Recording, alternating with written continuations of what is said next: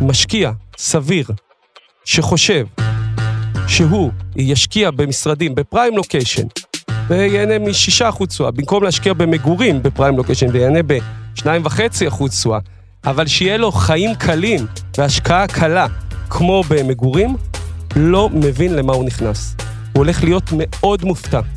זה עולם אחר, חוקים אחרים, וזה עבודה. שלום לכם, אני גיא ליברמן ואתם מאזינים לכסף בקיר. פודקאסט על אנשים שהחליטו להשקיע את הכסף שלהם בנדל"ן.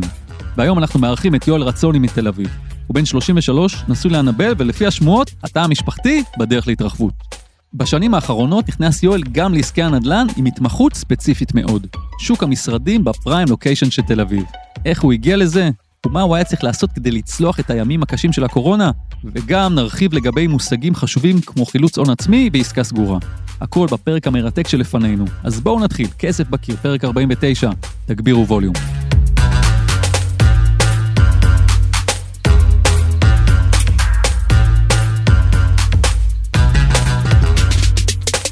כשהשתחררתי מהצבא, קניתי דירה עם עזרה מההורים, אה, הון עצמי מכובד של 300 אלף שקלים, בצור יצחק, שזה יישוב אה, ליד כפר סבא. האמת שאימא שלי אה, דחפה אותי. מה בער לאימא שלך? אני לא יודע, היא פסיכולוגית, היא לא אשת נדל"ן, אבל היא ככה דחפה אותי, ועשיתי את המהלך. הדירה נמכרה אחרי שנתיים ברווח סביר, רווח נחמד. מה, ת, ת, תן לנו לחוש קצת, מה, מה היו המספרים? זה היה, אני חושב, במיליון 200 רכשתי דירת חמישה חדרים, ומכרתי במיליון 400. ומההתחלה הכוונה הייתה לקנות דירה ולמכור אותה ברווח? לא, לא ידעתי מה זה פליפ. עם האוכל בא התיאבון, ויואל חיפש עסקה חדשה. הפעם הלב משך אותו לעולם המשרדים דווקא. עם ההון העצמי שהיה לי, רכשתי בסיטי של תל אביב, כלומר באזור דווקא הבניינים הישנים, לא המגדלים, אז גם לא היה מגדלים אה, יותר מדי. משרד שמחולק לשניים, בעצם שני משרדים של 100 מטר כל אחד, ושם שיפצתי אותו, חילקתי אותו יותר נכון, החלפתי סוחר, שכירות הייתה אז 70 שקלים, העליתי אותה ל-95 שקלים, וממש שם עשיתי עסקת פליפ, ומכרתי אותה ברווח יפה למשקיע שגם הוא עשה 8.5% תשואה ברוטו. כלומר, גם הוא עשה עסקה טובה. איך מישהו כזה צעיר חושב עכשיו בכלל לפתח קריירה במשרדים? מה עובר לך בראש? שוב, האמת שלא תכננתי. אני בוחר להסתכל הרבה פעמים על ההזדמנות, ואם אני מזהה הזדמנות טובה, אני בודק אותה על פי יכולתי אה, לבחון דברים, אבל אם זה מסתדר לי, אני לא חושב למה לא. אני חושב למה כן. ואז הייתה את ההזדמנות של הדירה, אז קניתי, ואחר כך את ההזדמנות עם המשרד, אז קניתי, ככה התחלתי. מי בא ואמר לך, תשמע, יש פה משרד, תסתכל על זה. יש לי חבר, אה, עורך דין, אה, שהוא קצת יותר מבוגר ממני, התחברנו למרות אה, הפרשי הגילאים. אני חושב שבכל עסקה, עד היום שעשיתי הוא איפשהו ברקע, והוא ממש אה, המליץ לי. לפי יואל הוא החזיק במשרד כשנה וחצי, ואז מכר ברווח נאה של כמה מאות אלפי שקלים. באותה נקודת זמן הוא היה רק בן 24. שם במשרדים הבנתי שזה עולם מאוד מעניין, לא הכרתי עוד את כל החוקים כמו שאני מכיר היום. אם הייתי מכיר אז אולי את כל החוקים אולי אה, הייתי נכנס אה, לפחות השקעות, אבל דווקא המקום החיובי, היה לי מזל עם פחות ידע, הסתכלתי רק על הדברים החיוביים, אה, וככה בעצם אה, התחלתי, ואז אה, בעצם חברתי לשני חברים שותפים, והתחלנו להשקיע במשרדים, כאשר העסקה הראשונה של המשרדים היא הייתה עסקת הפליפ היחידה שעשיתי, שינינו אסטרטגיה, החלטתי להתמקד במגדלים בתל אביב ולטווח ארוך. בתקווה אולי עד הפנסיה, אולי זה תמים ואולי זה לא יקרה, אבל זו השאיפה כרגע, כלומר אנחנו לא מוכרים את ה... אה. למה מגדלים בתל אביב? ורק בפריים לוקיישן, כמו שאמרת לי? זה, זה עולם מסוכן, בטח שהיום, אבל גם אז זה היה עולם אה, מסוכן, לצמצם אה, חשיפה, לצמצם סיכון. אני חושב שזה היה צעד מאוד חכם, בטח כשאנחנו היום בשנת 2021 ומסתכלים על מה שהיה ב-2020. תכף נגיע גם לזה, אבל נכס בפריים לוקיישן עולה הרבה יותר לקנות אותו מאשר נכס במיקום אחר. נכון, אבל בסוף אתה עולה לך בעיקר ההון העצמי, גם השכירות שאתה מקבל היא בהתאם, וגם התשואה במשרדים אה, היא שונה.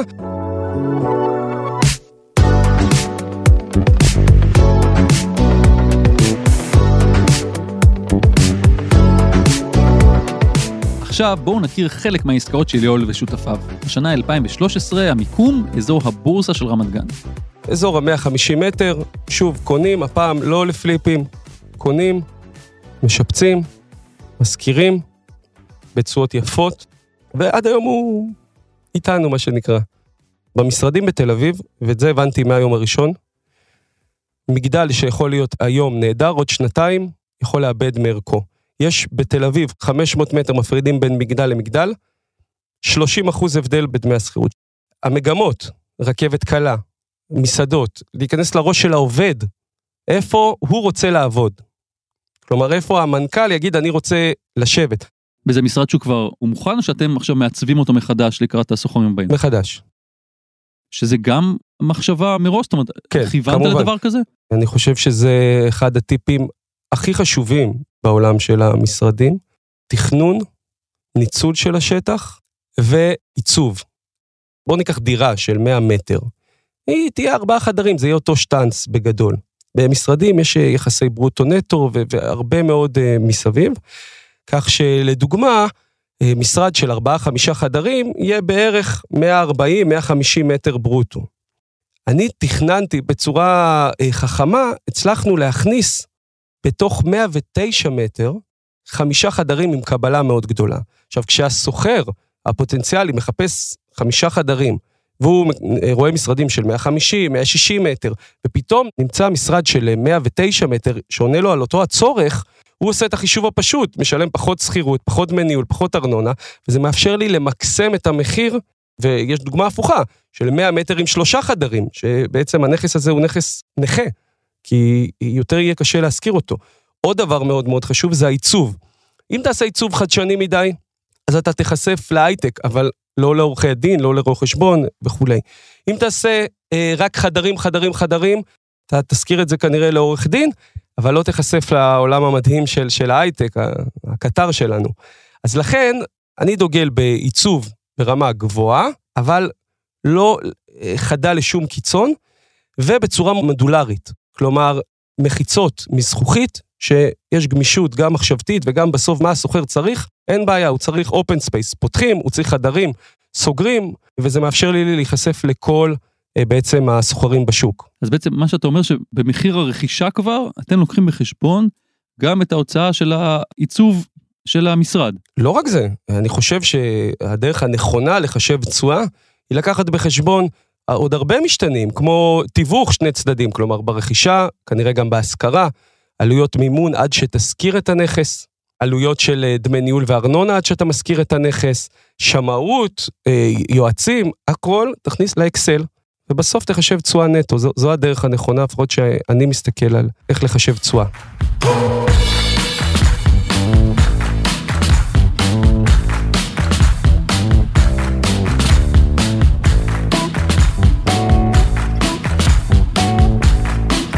עכשיו אנחנו מגיעים לנקודה חשובה בהתנהלות של יואל ושותפיו.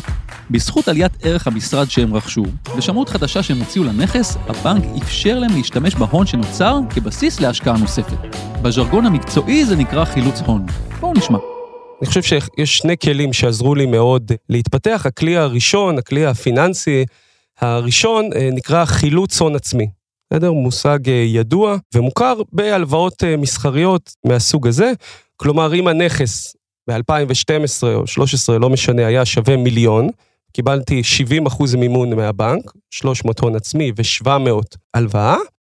לאחר פרק זמן לא ארוך, הנכס, השווי שלו עלה, שמאות חדשה, אתה מראה לבנק מיליון וחצי, ואז הפלא ופלא, אתה מקבל 70 אחוז מהמיליון וחצי, כלומר, אתה מגדיל את ההלוואה, אבל מחלץ את כל ההון ששמת, בעצם אה, לעשות בו כרצונך. אני בחרתי להשקיע אותו בעסקאות הבאות. זה מינוף גבוה, זה לא מתאים לכל אחד, אבל זו הדרך שלנו הייתה אה, בעצם אה, לצמוח. היום אנחנו מחזיקים שבעה משרדים בתל אביב, גדלים שונים מ-100 מטר עד 500 מטר.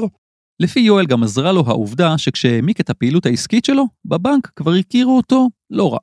קודם כל, במחלקה עסקית, החוקים שונים מבנק במשכנתה, אתה כנראה מכיר את מנהל הסניף, כנראה גם את מנהל המחלקה, ואם לא, אז רוץ תכיר אותם.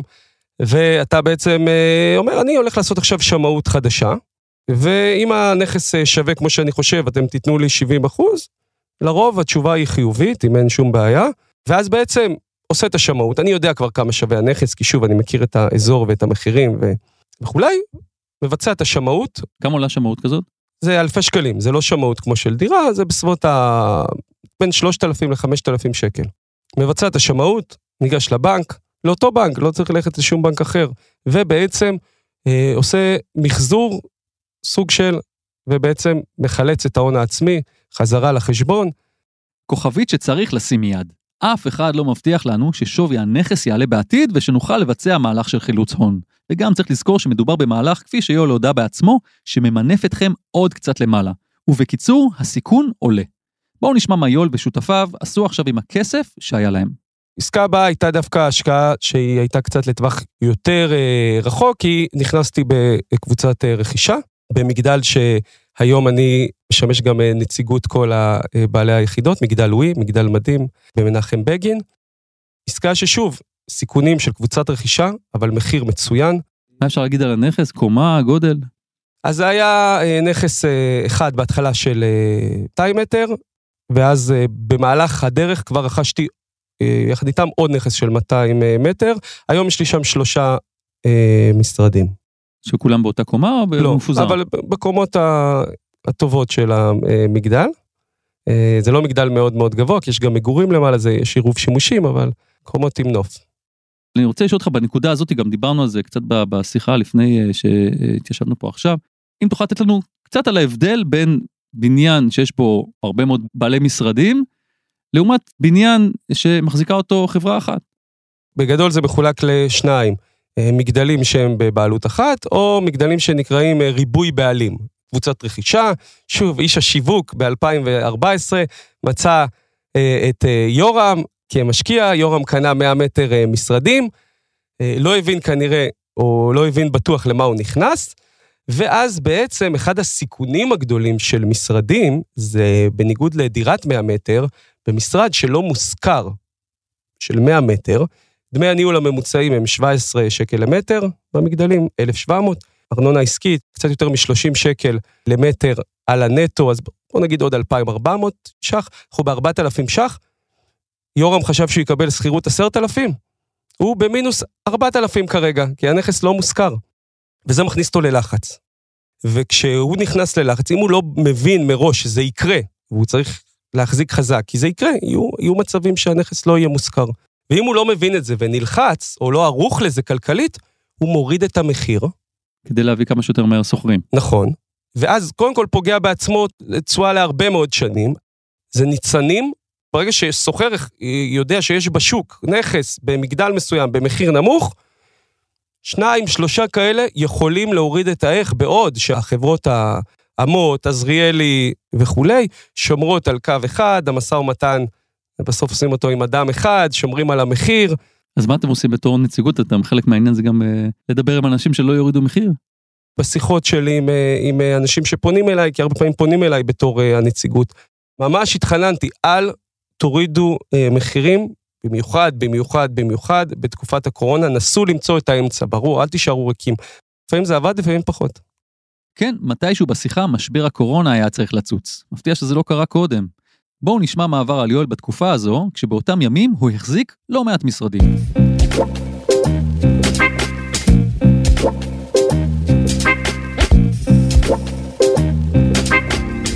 אני עם אה, שישה משרדים, מאז רכשתי עוד אחד, אבל אז שישה. 15 למרץ, אני יושב בבית עם אשתי, אף אחד לא מתקשר. עד הראשון לאפריל, אפס שיחות מסוחרים. אמרתי, נהדר, הסוחרים שלי זה עולם אחר, הם לא נפגעים.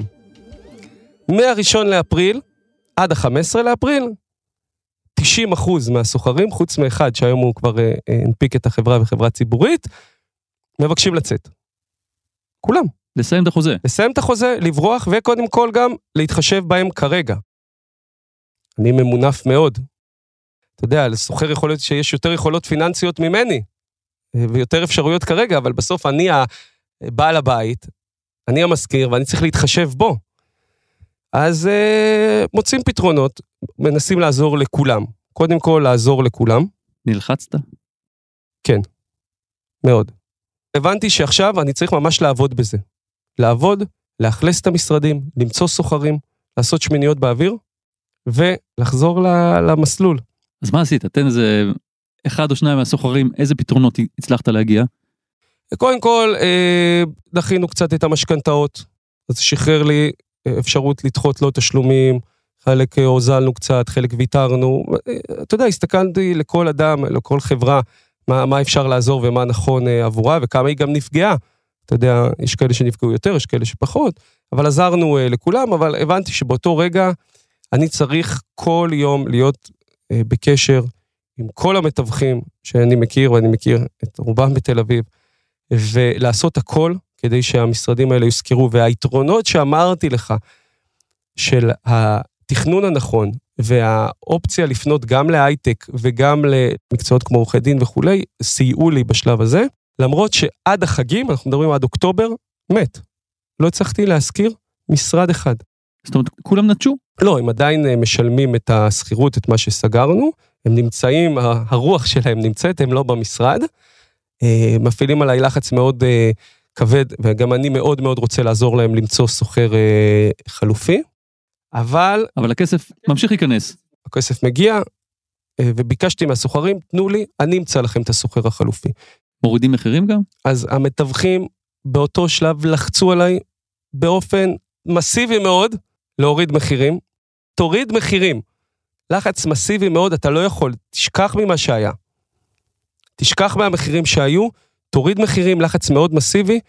אני מאוד התעקשתי והבנתי שאם אני עכשיו מוריד את השכירות, אני הולך לפגוע בתשואה שלי שנים קדימה.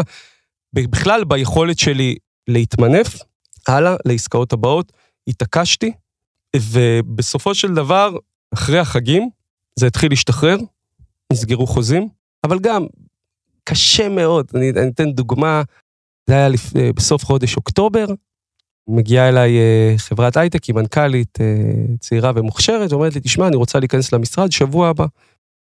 אני אומר, בסדר, בואי נעשה הסכם. הסוחר הקיים, כל היום איתי בהודעות מה קורה ומתי אני יוצא ואתה מצליח לסגור, והכיוון היה חיובי, ומשא ומתן ועורכי דין.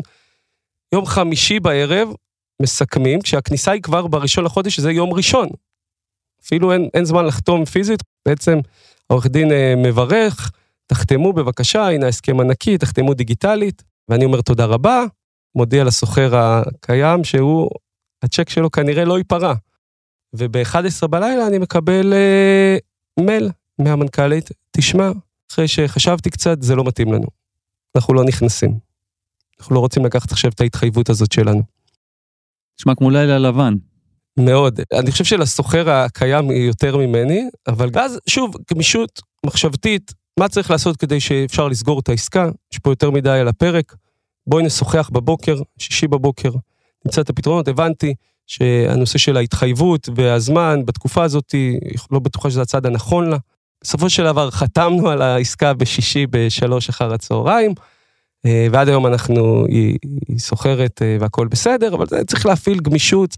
שוב, וזה דבר מאוד מאוד חשוב, משקיע סביר שחושב שהוא ישקיע במשרדים בפריים לוקיישן וייהנה מ-6% תשואה, במקום להשקיע במגורים בפריים לוקיישן וייהנה ב-2.5% תשואה, אבל שיהיה לו חיים קלים והשקעה קלה כמו במגורים, לא מבין למה הוא נכנס. הוא הולך להיות מאוד מופתע. זה עולם אחר, חוקים אחרים, וזה עבודה.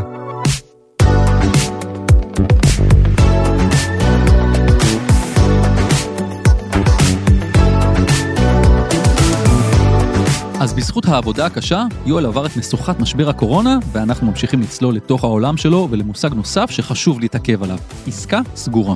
בואו נבין מה בדיוק המשמעות של המושג הזה, בדגש על עולם המשרדים.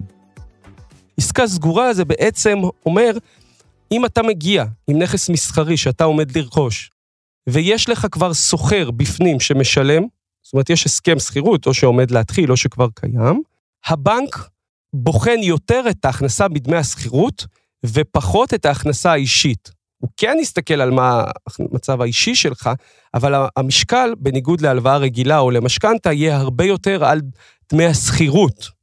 אם אתה עומד בכל מיני קריטריונים של אחוז מימון מסוים, ונשאר לך עוד איזה שפיל מהשכירות אה, של כ-20 אחוז אה, מעבר למימון, אבל בעצם הוא קורא לזה עסקה סגורה. ואז בנכס הבא שלך, בעצם ההכנסות האישיות שלך לא עלו, אבל אתה לוקח עוד הלוואה. אז אם היית עושה את זה בהלוואה רגילה לדיור, הבנק באיזשהו שלב היה אומר לך, אדוני, ההכנסות האישיות שלך לא תואמות את גובה ההלוואות. זה נכון שיש לך הון עצמי וסוחרים וכולי. ובמשרדים, בהלוואה סגורה, כל עסקה נבחנת בעצמה. כמובן, הבנק לא פראייר והוא בודק הרבה דברים, אבל בגדול כל עסקה נבחנת כעסקה סגורה. זה אפשר לי לצמוח. מה שאתה אומר שבמשרדים הרבה יותר קל להגדיל את פורטפוליו הנכסים שלך, אם אתה מראה לבנק, הנה העסקה הספציפית הזאת היא עסקה טובה. אם יש לך סוחר, אתה יודע, עסקה טובה זה בעיני המתבונן. אם אתה עומד ב, בכל מיני אה, פרמטרים, ויש לך סוחר, שזה ה... נקרא לו המשפט הקסם, יש לך סוחר טוב שמשלם שכירות, אז הרבה הרבה יותר קל לך לצמוח.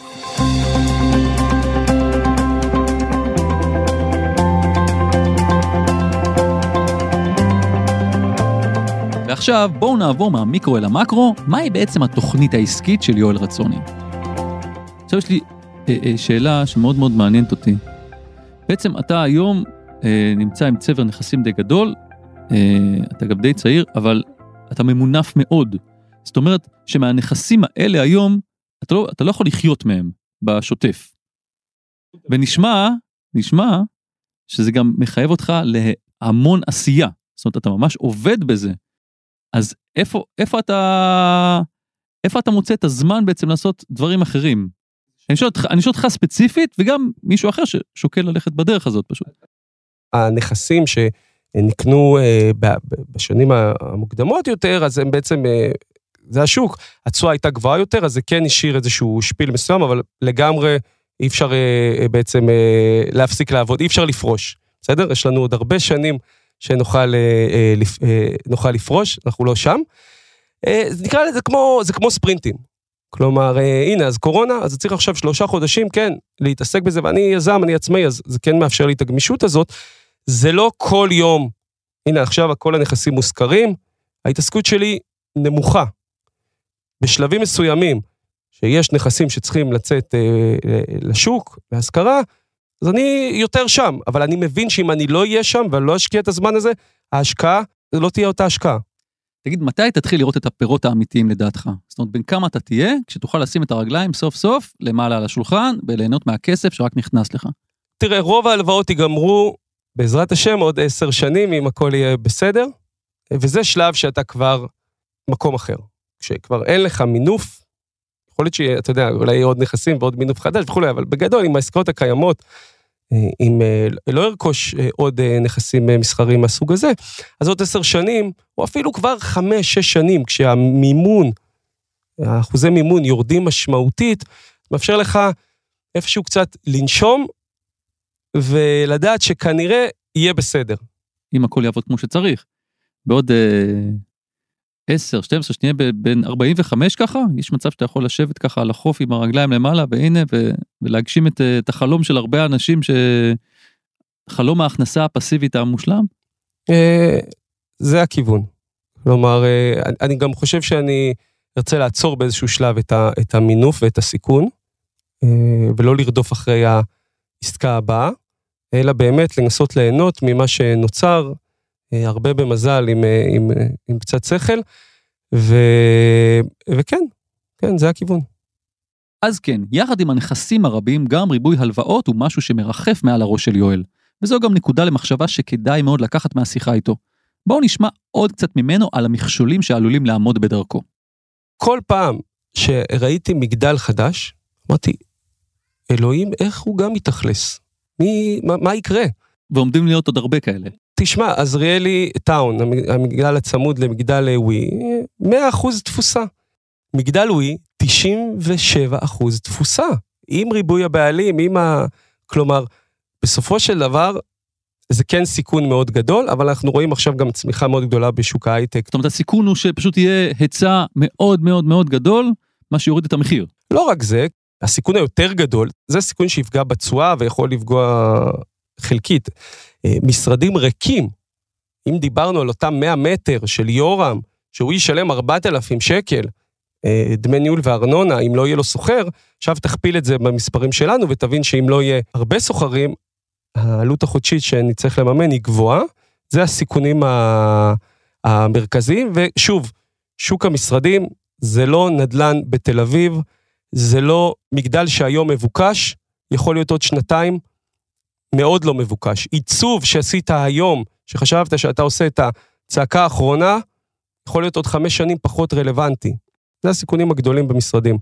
אני היום הרבה יותר מודע לסיכונים, וזה מאוד מאוד תלוי מה המשקיע אה, מחפש. אם המשקיע מוכן לעבוד, לעבוד, להכיר את השוק, להכיר את המתווכים, להבין שיהיו חודשים קשים, והוא מבין את הסיכונים לעומק, והוא חי איתם בשלום, אז משרדים, צריך גם לדעת איפה ואיך, אבל זה עולם מדהים וטוב. אבל שוב, אם המשקיע הקטן מחפש השקעה פסיבית, נדל"ן בחו"ל, דירה בתל אביב, או דירה בחיפה, או דירה בבאר שבע, הייתי ממליץ לו להימנע מההרפתקה של המשרדים.